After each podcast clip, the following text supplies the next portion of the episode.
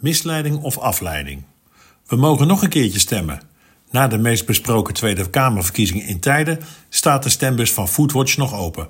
Daar valt namelijk te kiezen voor het meest misleidende product in de supermarkt: het gouden windei. Begrijp me niet verkeerd, ook ik vind dat misleiding aangepakt moet worden.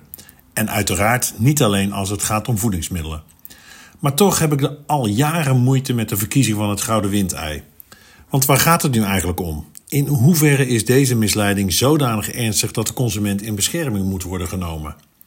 Wat me bovendien stoort aan dit soort verkiezingen is dat het meer ter meerdere eer en glorie van de organiserende partij is, vanwege alle media-aandacht, dan dat het ons echt verder helpt of beschermt.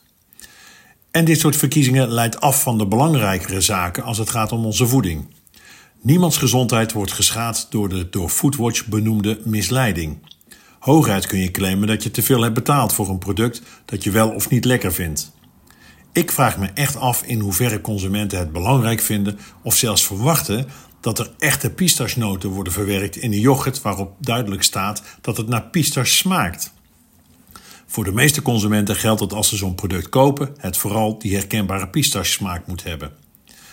We leven in een ongelooflijk rijk land waarvan nog steeds een groot deel van de mensen zich druk kan maken om het feit dat de alcoholvrije appelsieder misschien wel niet echt een cider is. Terwijl diezelfde consument ondertussen wel tientallen andere gezoete dranken op basis van appels kan kopen. Dan heb je het wel erg goed. En mag je je dus druk maken om zaken die op de lijst van hoofdpijnkwesties misschien minder hoog staan. Om het gouden windei zelf als misleidend te bestempelen gaat misschien wat ver. Ik zou het eerder afleidend noemen. Het leidt af van zaken waar je als maatschappelijke organisatie echt voor wil inzetten. Eerlijk, veilig en gezond eten.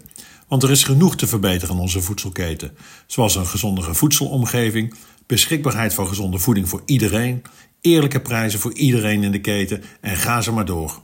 Kunnen we hier geen mooie verkiezing voor uitschrijven?